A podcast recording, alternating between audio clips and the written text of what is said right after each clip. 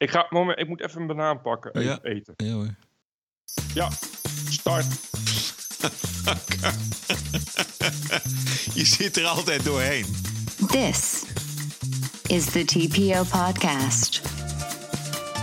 Ranting and Reason. With Bert Brussen and Roderick Phalo. De AIVD verwacht vaker geweld tussen extreem links en extreem rechts. Alexander Pechtold op de bres om de schade te beperken, maar dat lukt niet echt. Amerikanen klaar met Hollywood-miljonairs. Een man mag wel huilen. En Bert Brussen in het hol van de leeuw bij de NOS over nepnieuws. Promote Ukraine eh, is al een naam. De, de, de objectiviteit spat er vanaf, zal ik maar zeggen. Welkom bij aflevering nummer 57. This is the TPO Podcast. Zo, Bert weer helemaal terug. Ja. Vanuit de zomer weer helemaal terug in de winter, terwijl het hier inmiddels al lente is. Hoe was de overgang? loodzwaar. Want ik dacht van, eh, als ik op... Ik kwam donderdagnacht terug. In de nacht van donderdag op vrijdag. Ja. En toen had eh, de weerman mij beloofd, de Nederlandse weerman, dat het daarna minder koud zou worden. Maar ook vrijdag was het nog echt gevoelstemperatuur min 100 miljoen miljard. Ja. Dus ik vond dat stom. Ja. Ik was toch nog, ik, toch nog één dag in de kou. Maar gelukkig is het nu gewoon weer eh, ja, lente. Soort van. Nou, in elk geval eh, niet die verschrikkelijke grachtenschaatskoortskou. Nee, eh, je bent gewoon helemaal geacclimatiseerd. Het is allemaal in orde. Je bent gewoon Ja. weer helemaal thuis. Je was zelfs op de televisie gisteren. Ja, bij de NPO. Ja, hoe was dat in één ruimte met NOS-journaalbaas Marcel Gelauf en minister Ja. Ollongren? Dat is wel grappig, want die geloof, die, die, ja, die is gewoon de baas van het NOS Nieuws. Maar ik zei ook van, ja, maar hoeveel sta je eigenlijk op de vloer? En nou ja, hij zei, ja, ik doe eigenlijk gewoon, ik ben er eigenlijk nooit. Ik doe eigenlijk alleen nog maar managementwerkzaamheden. Dus ik zei, oh, dat is wel grappig, want jij krijgt gewoon altijd elke dag alle poep over je heen. Terwijl je daar zelf eigenlijk helemaal niet, niet, niet eens, ja, je bent wel verantwoordelijk voor. Maar hij, hij doet gewoon het NOS 8 uur journaal. Daar is hij zelf nooit bij betrokken. Dat doen gewoon anderen, weet je wel. Dat is natuurlijk een hele grote organisatie. is. Maar hij zit- zit gewoon... Ja, hij zit nooit, hij zit nooit bij een redactievergadering. Ja, soms geloof ik. En heb je ook nog met, met gesproken? Nee, die eh, eh, kwam binnen en die sprak met mensen en die gingen nou weer weg met mensen. Dat heb ik toevallig niet gesproken. Maar eh, ja, de, het, is typisch een politica. Die doen gewoon verder heel aardig. Ja. En zo, dat zag je ook. Het is echt zo'n glimlachende. Dat is niet iemand die dan gaat zeggen van nou, ik weet al wie je bent of zo, denk ik. Maar ik heb daar verder niet gesproken. En, ik vond het wel een hele leuke uitzending, moet ik eigenlijk zeggen. Alle zaken, onderdelen werden belicht. Ze hielden zichzelf niet uit de wind, de NOS. Het was fijn om naar te kijken. Ik, ik geloof ook dat dat de bedoeling was. Want ik vond het zelf lang. Het was 80 minuten. En ik, ik zei van, nou, het is dat ik hier zit, maar anders zou ik er niet naar gaan kijken, zou ik maar zeggen. Maar zij zei ook van, ja, kijk, onze taak, onze opdracht is, is om zo informatief mogelijk te zijn. En ik denk dat eh, in die opzicht die uitzending wel is geslaagd. Maar ja, ja er was niet echt, echt de ruimte voor veel scherpte en zo, want er waren natuurlijk ook een hoop gasten. En dan moeten ook nog eens een keer een hoop filmpjes in die inderdaad nogal langdradig en uitleggerig waren. Ja. Uh, ik vond wel een beetje de, die kritiek, zag ik, hè, zoals bijvoorbeeld van Karskens en zo. Uh, ja, het is wel, kijk, de NOS zit daar toch ook op een bepaalde manier in. Uh, zo, ze zitten op een bepaalde manier journalistiek in en dat merk je wel. Ik vond bijvoorbeeld opvallend dat aan die reportage van die Jeroen Wollaars ja. in Duitsland vond ik wel heel eenzijdig. Precies, dat is ook, en niet, ik zat, helemaal, is ook nee, niet betrouwbaar. Ik zat echt te wachten op het moment dat hij ging vertellen dat uh, juist op het gebied van die vluchtelingenpolitiek van Merkel de mainstream media een heel eenzijdig beeld hebben geschetst ja, daarvan. Nee, precies. En, en dat zou je ook als, nou niet als nepnieuws kunnen, maar dat is in ieder geval onvolledig nieuws. Ze laten in ieder geval een belangrijk onderdeel van wat daar gebeurde, laten ze achterwege. Nee, maar dat is, vond ik, het, vond ik het enige probleem. Dat, kijk, zij zijn zelf een journalistieke organisatie. Uh, maar het probleem zit ook in de journalistiek. En dat uh, uh, ja, kwam daar niet echt duidelijk van. Nee, dat klopt. Duidelijk naar voren. En in Duitsland is dat dus dat probleem veel groter. Want in Duitsland ja, is niet alleen nepnieuws, maar dus ook die uh, systeemcrisis in de, in de journalistiek. Ja. En die Wollaars die deed alsof dat die journalistiek verder prima betrouwbaar Ja, is. En ja. dat, dat is dus niet zo. Je zou Maar eigenlijk verder, met een eh, kleinere ja, groepje zou je nog eens een keer uh, wat dieper op de zaken moeten ingaan. Want het was inderdaad heel erg uitleggerig. Was voor een heel breed publiek. Alle aspecten kwamen aan bod. En daardoor was er heel weinig ruimte eigenlijk voor discussie en diepgang. En ik vond dat die trip ja, goede kritische vragen stelde aan, uh, aan de ondergrond. En wederom inderdaad, van ja, waar zijn nou die voorbeelden van nepnieuws? En daar had ze geen antwoord op. Nee. Uh, En ze had ook niet echt antwoord op dat, dat er ook werd gezegd van ja, waarom gaan we, ga je nog door met, dat, met, met, met die EU-organisatie? Precies. Ollongren was eigenlijk als een aal in een emmer snot. Het, uh, het gestuntel van het bureautje in Brussel, EU versus disinfo. En een meerderheid in de Tweede Kamer, die wilde van af. Maar Ollongren geeft geen millimeter toe. Kijk, dit, dit is een fout. Hè? En dat, hetzelfde geldt voor de post online. Dus dat, uh, daar ben ik niet enthousiast over. Dus als ze het goed doen, dan is het een prima club. Nee, kijk, de, ik denk dat we samen in Brussel moeten nadenken over uh, wat wel een nuttige toevoeging is. Het bureautje kan weg, dat zegt ze nog niet. Uh, ik denk dat het wel goed is dat de Europese lidstaten van elkaar weten, bijvoorbeeld, wat je doet tegen nepnieuws. We hebben net het voorbeeld gehad van hoe ze het in Duitsland doen met een bepaalde wetgeving. Nou, dat is niet de kant uh, die wij op willen in Nederland. in Frankrijk doen ze het weer anders. Dat zou wel iets kunnen zijn wat je vanuit Brussel op een logische manier in kaart brengt en vergelijkt. Maar zoals nou, Arjan het net zei, hè, dus is dat wel normaal? Dat ambtenaren in de gaten gaan houden of journalisten hun werk goed doen. Nee, maar ik denk, het is ooit begonnen op verzoek van de lidstaten, van de regeringsleiders in 2015, omdat vooral Oost-Europese landen er ontzettend veel last van hadden en zeiden tegen Brussel: help ons. Uh, wat Arjen Noorlander zei klopt ook. Het is maar een handvol mensen uh, die probeert met een netwerk uh, dat, dat nepnieuws zeg maar, te ontmaskeren. dus dat had toen een functie. Maar ik denk wel dat het goed is dat we met elkaar, dat wil de Kamer trouwens ook, gaan nadenken over een betere manier. Nou ja, dat wil de Kamer trouwens ook. Er is een meerderheid, nu vanavond, in de Kamer die zegt Nederland moet zijn handen aftrekken van die club in Brussel. Ja, volgens mij is er een aantal moties uh, ingediend door de Kamer.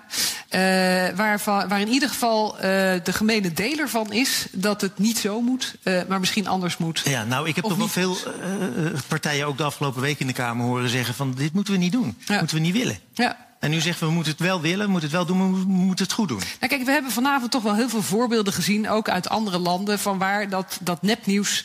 Uh, en dan heb ik het over buitenlandse beïnvloeding. Hè. Dus er is, er is heel veel gezegd, maar buitenlandse beïnvloeding, buitenlandse heimelijke beïnvloeding van onze democratische processen in Europa.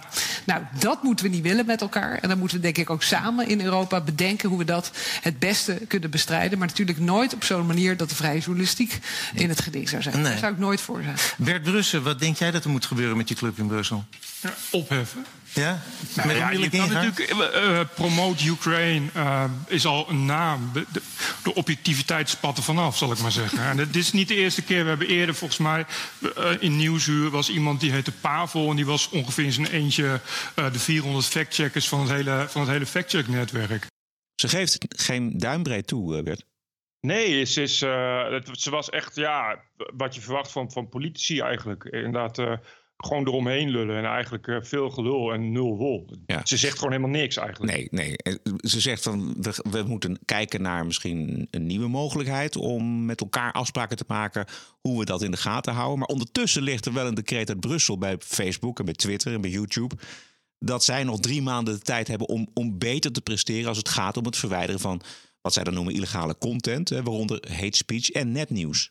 Juist. En uh, opruiend, opruiende dingen. En ja. uh, propaganda. En allemaal dingen die onder de paraplu nepnieuws vallen. Ja. Maar waarvan je, die nogal multi-interpretabel zijn. Waarvan Precies. je tot nu toe altijd hebt gedacht dat daar een rechter voor is. Zij zegt dus, uh, misschien moeten we dat bureautje in Brussel gaan aanpassen. Maar ondertussen gaat de Europese Unie gewoon door. Eigenlijk zegt ze desnoods, dat je zelfs als ze dat, dat EU versus desinfo niet meer gebruiken.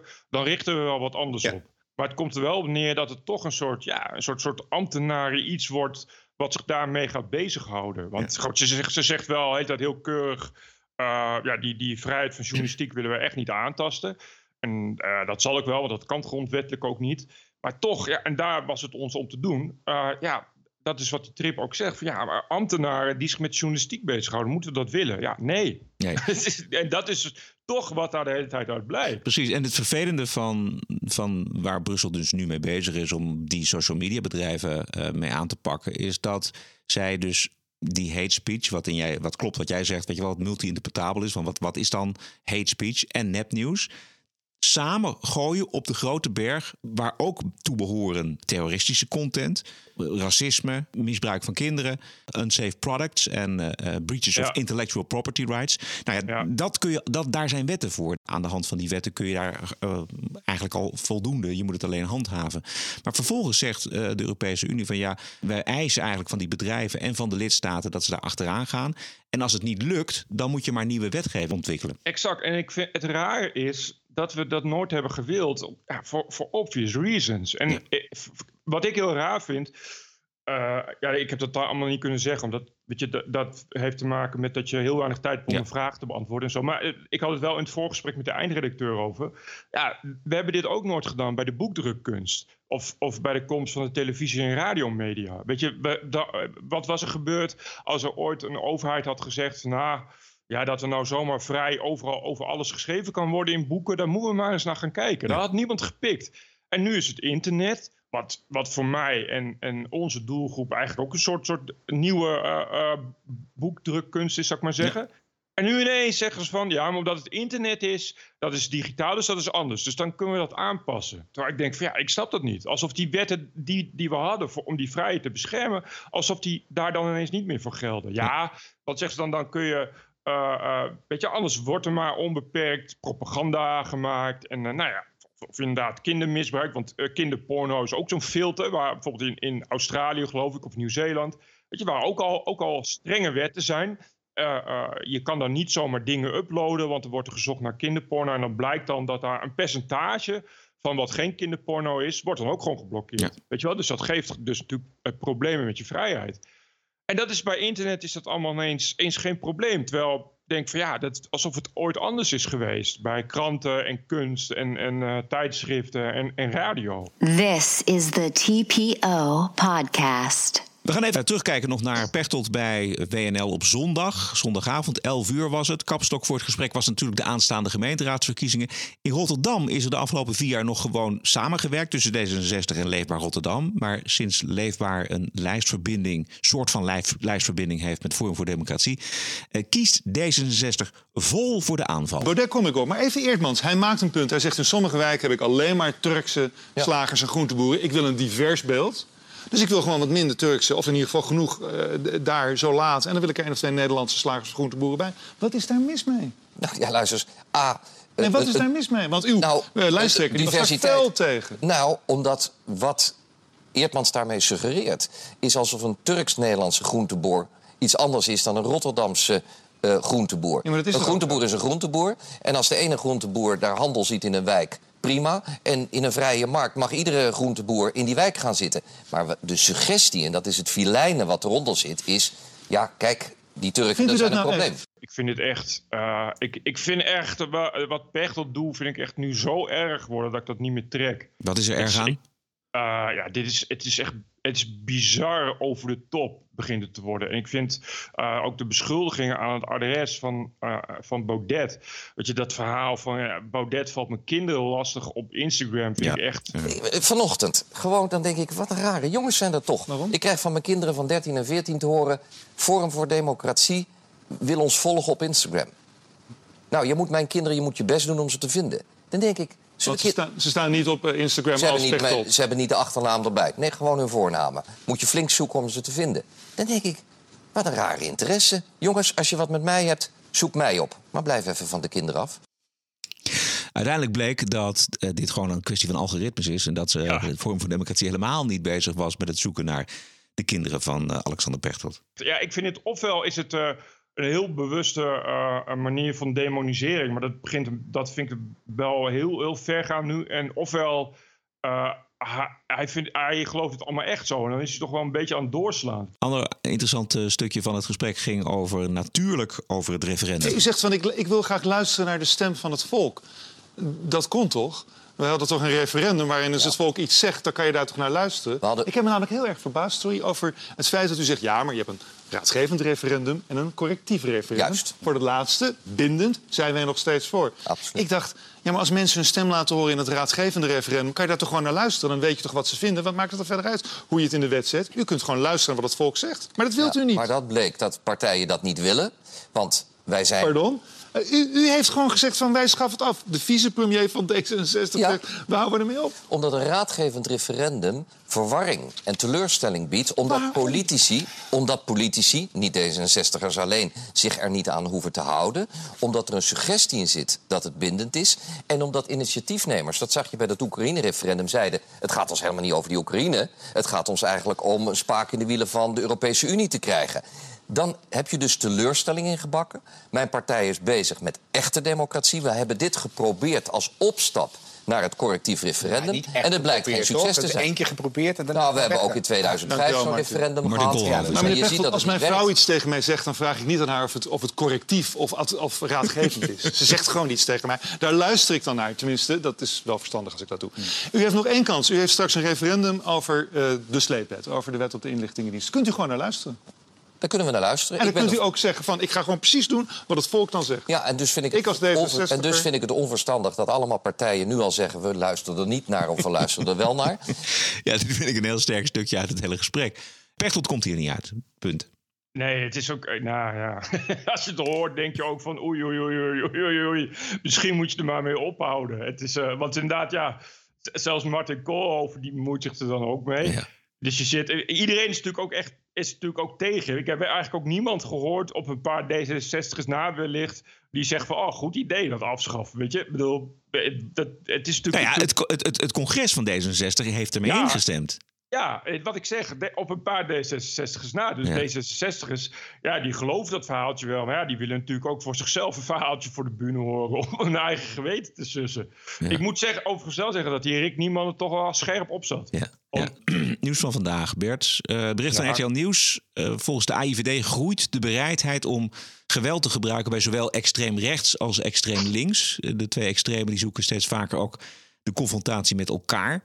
En extreem links, dat is dan vooral Antifa. En extreem rechts, dat is dan Pegida, Erkenbrand en identitair verzet. Dat ken ik nog niet. Jij? Ja, dat ken ik, ja, dat ken ik wel. Dat zijn, uh, dat zijn, die, dat, dat zijn die jongens die telkens uh, uh, moskeeën in aanbouw bezetten. En oh, dan spandoeken ja. ophangen. Oh, ja. Nou, geweld van extreem links, dat is eigenlijk al schering en inslag. Met name in het buitenland. Gisteren was het weer raak in Londen, in King's College. Daar werd een zaal geëvacueerd nadat Antifa mensen met geweld en met rookbommen een gesprek verstoorden. En dat klonk zo.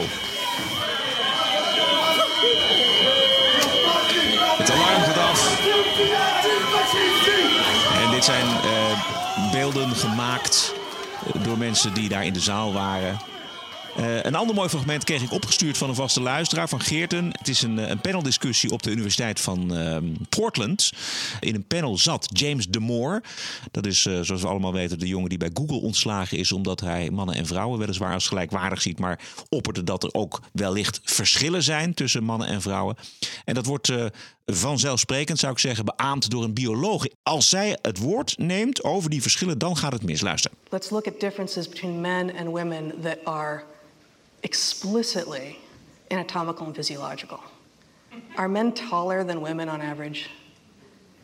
Does anyone take offense at that fact? Are you irritated? There's always so, a standout. So I would say you could be irritated by it. You could be irritated by the fact that women have to be the ones to gestate and lactate. You could be irritated by a lot of truths. But taking offense is a. Nu lopen de eerste weg. is a response that is rejection of reality. Men and women are different on height, they're different on muscle mass, they're different on where fat is deposited on our bodies, right? Our brains are also different. So there's some binaries. Security. This is this is what happens. Oh, did they shut off the volume? Can you hear? Ja, het zijn, vijf mensen uit een volle zaal. Die lopen weg en die roepen wat. En die trekken ook aan kabels. En die trekken dus uh, nou ja, de microfoons kapot van de mensen die achter de, het katheder zitten. om met elkaar uh, deze paneldiscussie te voeren. Um, maar het is een klein clubje. En dat kleine clubje dat uh, wordt achtervolgd door een cameraman. En dan krijgen we ook te horen wat nou de argumentatie is. Even the women in there have been brainwashed. Should not listen to fascism. It should not be tolerated in civil society. Nazis are not welcome in civil society. Fuck the police! Cover the people! Thank you. Oké. Okay. Dus, What the fuck? Ja, dus het, het, het, verschil aangeven tussen mannen en vrouwen, dat ze misschien gemiddeld uh, groter zijn, mannen dan vrouwen, dat, dat, is, is dat, is, dat is fascisme. Ja. Jezus Christus, ik wist wel dat het erg was bij sommige mensen, maar dit heb ik nog nooit gehoord. Ook dat ze ook inderdaad gewelddadig worden en uh, kabels eruit trekken. Ja. Ik snap ook echt niet hoe je die vrouw ja, die vertelt gewoon echt, toch wel echt heel erg voor de hand liggende feiten. Waar volgens mij ook niemand omheen kan. En dan ga je er toch omheen. Ja, volgens mij is dat fascisme. En dan ga je de ander beschuldigen van fascisme. Maar, maar zij zegt ook al van ja.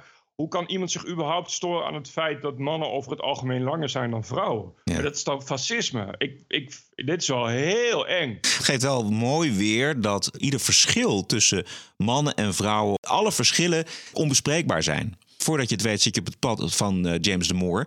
En dan ga je zeggen van ja, maar wacht eens even. Uh, misschien zijn vrouwen wel minder uh, technisch aangelegd dan mannen. Ja, ik, het is heel eng omdat... Uh, kijk, ik vind het eng. Dit is natuurlijk een minderheid. Dit is natuurlijk een, een groepje uh, excessieve idioten. Die, die de hele tijd dit soort dingen opzoeken. Om, om dat te verstoren. Ja.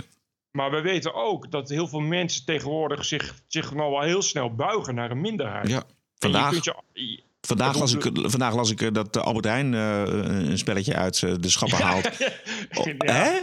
Wat was het ook alweer? De... Ja, het was een seksistisch voetbalspelletje. Oh, ja, het was echt een voetbalspelletje voor jongens, jongens van 4 tot 14. Ja. Maar ik moest wel een beetje.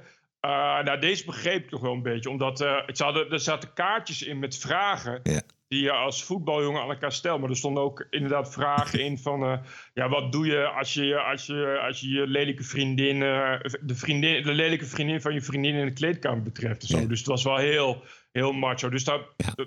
daar kon ik nog wel een beetje begrijpen... dat ze bij Albert Heijn zeggen van... goh, we hebben 13.000 producten. Het gaat inderdaad wel eens mis. We kunnen niet alles uh, pro, controleren. Maar... Uh, ja, ik ben, kijk, het, het wordt wel heel eng. Je, je loopt gewoon een risico dat er dus inderdaad wordt gezegd van ja, we laten geen biologen meer over dit onderwerp aan het woord. Want dat is fascisme. Ja, precies. En, en ja, de wetenschap houdt een beetje op te bestaan als we dit soort dingen niet meer kunnen gaan zeggen. Ja. Het, het is wel een heel klein, luidruchtig clubje. All right, well we're going to raise our voices. The conversation's going to go on.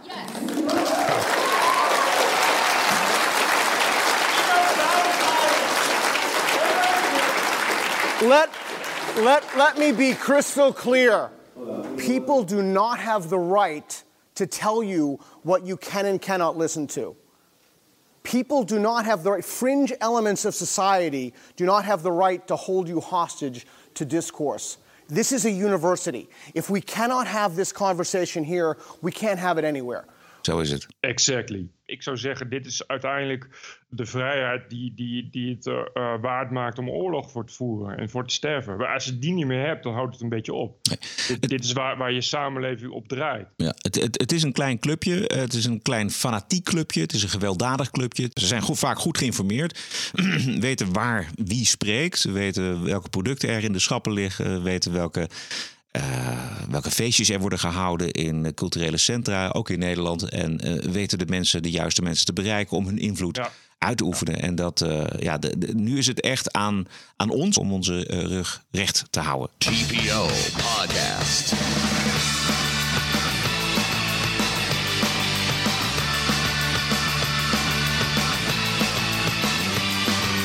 Ranting and Reason. Twee huilende mannen in de media afgelopen week, Bert. Uh, dinsdag Umberto natuurlijk, echte tranen bij de bekendmaking van zijn vertrek ja. bij RTL Late Night. En donderdag een discjockey, Stefan Brouwer, op Q-Music over zijn depressie. Ik zei net al, er moet me even iets van het hart. Ik heb heel lang getwijfeld of ik dit wel moet doen. Of heel lang, net alsof ik een maand, dat is ook niet zo. Ik heb beloofd om altijd eerlijk te zijn op de radio. En uh, het gaat gewoon niet goed met me.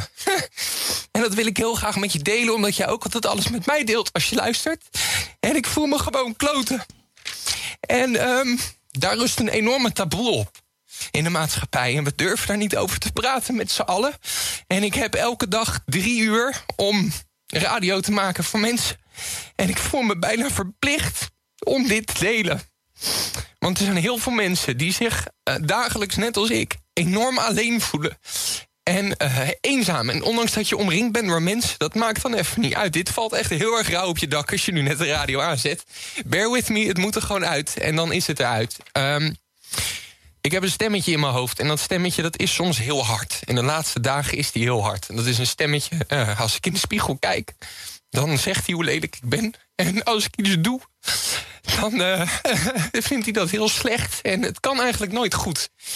En um, de laatste dagen is die echt heel hard, die stem. En dat is verdomde moeilijk om mee om te gaan. En ik heb dus beloofd altijd eerlijk te zijn. En om echte radio te maken. En het voelde de laatste dagen gewoon echt alsof ik niet mezelf was. Alsof ik aan het acteren was. En als ik de vraag krijg, hoe is het met je? Dan zeg ik, uh, ja, prima, met jou lekker aan het werk. Maar dat is gewoon niet zo. Het gaat gewoon even niet goed. En daar berust zo'n achterlijke taboe op. En we durven hier met z'n allen eigenlijk niet over te praten. Maar er moeten toch mensen zijn die op een gegeven moment opstaan... en hier wel over praten. En die zeggen, je bent niet alleen. Ook als je je alleen voelt, dat ben je niet. Ik sta op een wachtrij voor professionele hulp van een nieuw iemand. Dat betekent dat er zoveel mensen zijn die hulp nodig hebben... maar die die hulp nu niet kunnen krijgen. Dit is iets wat we elke dag weer een beetje wegzetten... als uh, gezever of gezeur of ah joh, schouders eronder, komt goed. Ja, dat komt het uiteindelijk ook wel, want je bent niet alleen. Dat ben je echt niet. We zijn samen en samen komen we er sterker uit. Maar het is oké als het soms slecht is. En het is oké om daarover te praten. En, dat, en misschien vertel ik het nu heel warrig... En sorry daarvoor. En misschien denk je, jeetje, wat een schreeuw om aandacht, man. Rot erop. Ja, dat is het ook. Maar het is niet een schreeuw om aandacht voor mezelf. Het is voor iedereen die hiermee zit en iedereen die hiermee kampt. Ja, ik zei Stefan Brouwer. Het is uh, Stefan Bouwman van Q-Music. Het is een lang, uh, lang fragment. Uh, ik, ik, was er, moet ik heel eerlijk zeggen, wel van onder de indruk. Wat, wat vind jij daarvan, Bert? Ja, ik ook wel. Ik, ik hou niet zo, niet zo van dit soort. Ik vind het. Ja, ik ben niet, niet, niet iemand die op dezelfde pathetische manier het zou zeggen. Maar ik vind maar vind het pathetisch? Goeie... Nou, nee, want ik, ik vind het heel, heel herkenbaar. Uh, dus ik, ik, vind het heel goed dat hij dat doet. Uh, ik moet zeggen dat ik zelf nooit zo. Uh, misschien dat ik ook al dat ik dat al langer doe. En dat ik er natuurlijk ook iets anders in sta. Ook, ook anders in het debat. En hoe ik me verhoud naar de maatschappij. Ik heb min het idee dat het, dat het een taboe is. Maar ik moet wel zeggen dat het, een, dat het dit wel goede radio is. Weet je? Ja. Ik vind het heel, eigenlijk heel chic dat hij nou, zijn medium gebruikt om dat zo te doen. Want dat is uiteindelijk wie die is, een radiomaker. Ja. Uh, en ik, ik vind, je kan beter dit horen dan, dan, ja, dan weer iets gemaakt of gescript. Precies, het, het valt of staat natuurlijk bij of het gemeend is of niet. En dit zijn natuurlijk echte tranen. Dit is, dit is, dit is, dit is echt. Net zoals het echt was bij Umberto ook. Ik bedoel, uh, ja. de aanloop erheen, daar kun je het over hebben. Of je dat moet zeggen, ja of nee. Maar hij vond dat hij dat moest zeggen.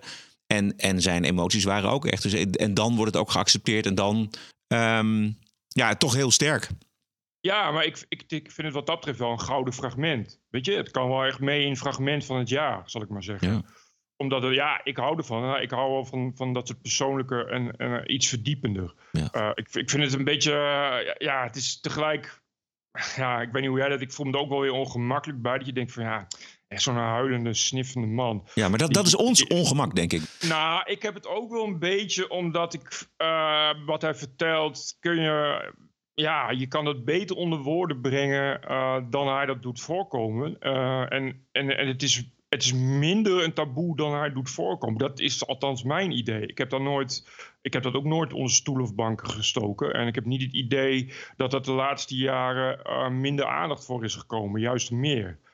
Um, maar goed, uh, kijk, kennelijk, kijk, als je op zo'n moment zit dat het heel slecht gaat, uh, is het vaak, zo heb ik het, dat je die emoties worden altijd heel erg weggeduwd. En op het moment dat je daar zelf dan aan overgeeft, is het eigenlijk ook wel echt een stortvloed waar je ook niet meer aan onderuit kan. Dus, ja. dus dan, uh, dan word je ook wel echt overvallen door een gevoel van, uh, van verdriet. En kun je ook niet meer stoppen met huilen. Dat heb ik ook wel eens. Ja.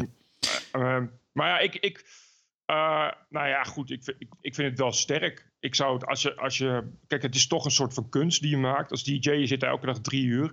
En je verstaat de kunst om, om elke dag drie uur mensen te boeien. En, uh, en die drie uur vol te krijgen. Ja, wat Met jezelf? Met, met, jezelf, inderdaad. Dus dat zegt hij ook van ja, ik, uh, jullie, jullie zijn mijn, ja, mijn vrienden. Of, of jullie, jullie zijn met mij samen, want jullie luisteren elke dag naar mij. Ja, wat let je dan om het dan zo te delen? Volgens ja. mij is dat wel de beste manier. TPO Podcast. We gaan toch nog even naar Amerika toe. Twee dingen. Zo meteen eventjes kijken toch naar de Oscars. Even heel kort. En ik zag op CNN. Uh, luister eventjes naar dit gesprek op CNN met een uh, voormalige medewerker van Trump. Dus er is in principe reden om hem te ondervragen, maar hij heeft er absoluut geen zin in. I'm going to be the first one in history to flat out say I'm not going. You're not going. I'm not going to the grand jury. I'm not go. Uh, uh, I'm not going to spend 30 hours going over my emails. I'm not doing it. I communicated with Roger Stone and Steve Bannon 15 times a day. So I have to spend 80 hours going over emails? Well, I, I, I agree that it, it, seems like a lot of time, but it is law enforcement telling you that you have to do it. That's what, what a subpoena okay, is. I fine. mean, are you, you know you're actually willing to You go know to what? jail for this? Sam? You want to arrest me? Arrest me. Because you know what? At this instance, and I'm not a fan of Donald Trump, you know what? When they start asking for stuff like this, Trump is right. It's a witch hunt. Sam Nunberg heet hij, voormalige eh, adviseur van, van Trump.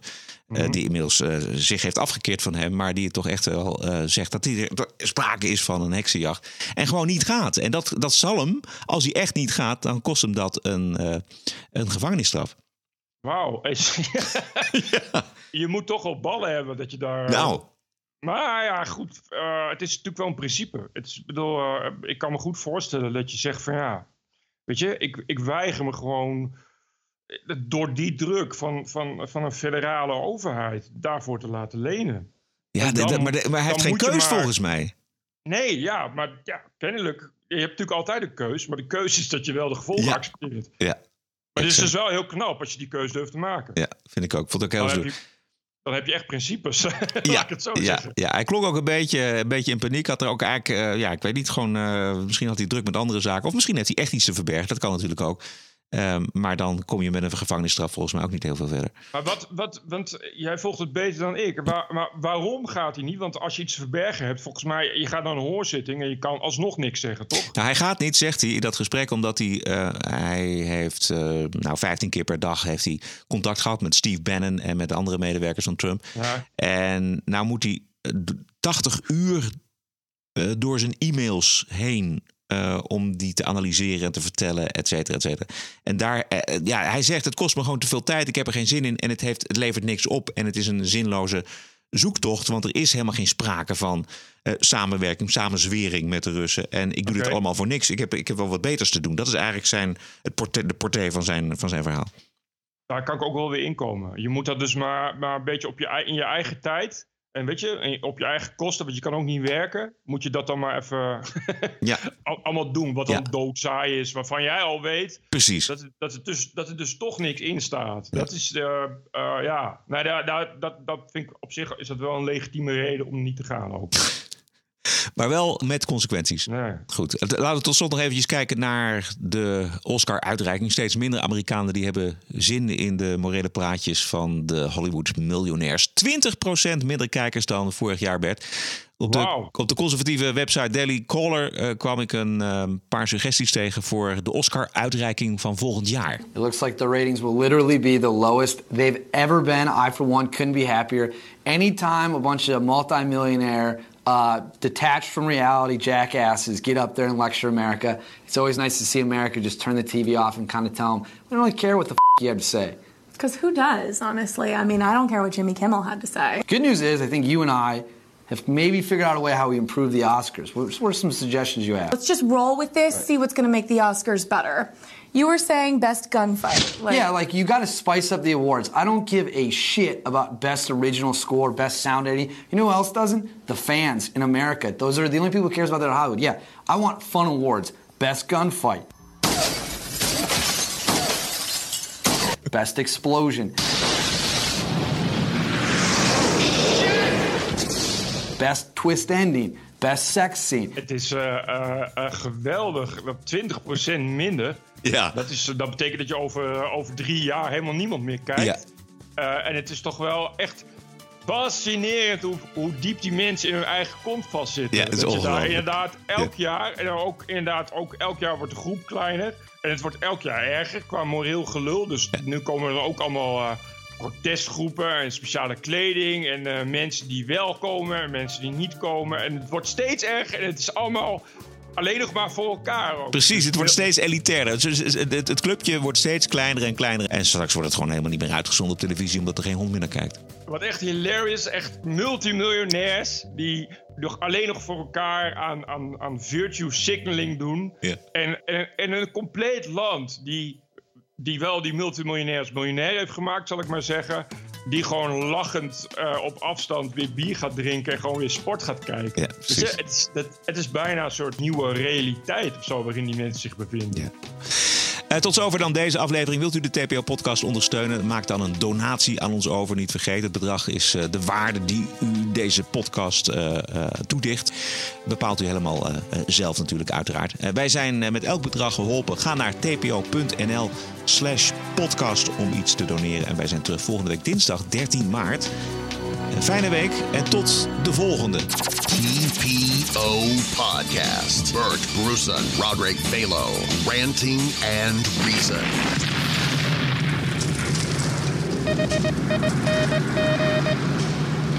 Dan gaan we nu stemmen.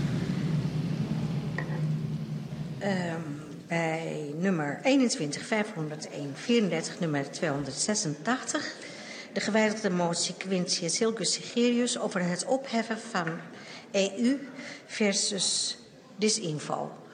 SP, Partij van de Arbeid, GroenLinks, Partij voor de Dieren, 50PLUS, VVD, SGP, ChristenUnie, PVV, Forum voor Democratie, aangenomen. 287, de heer.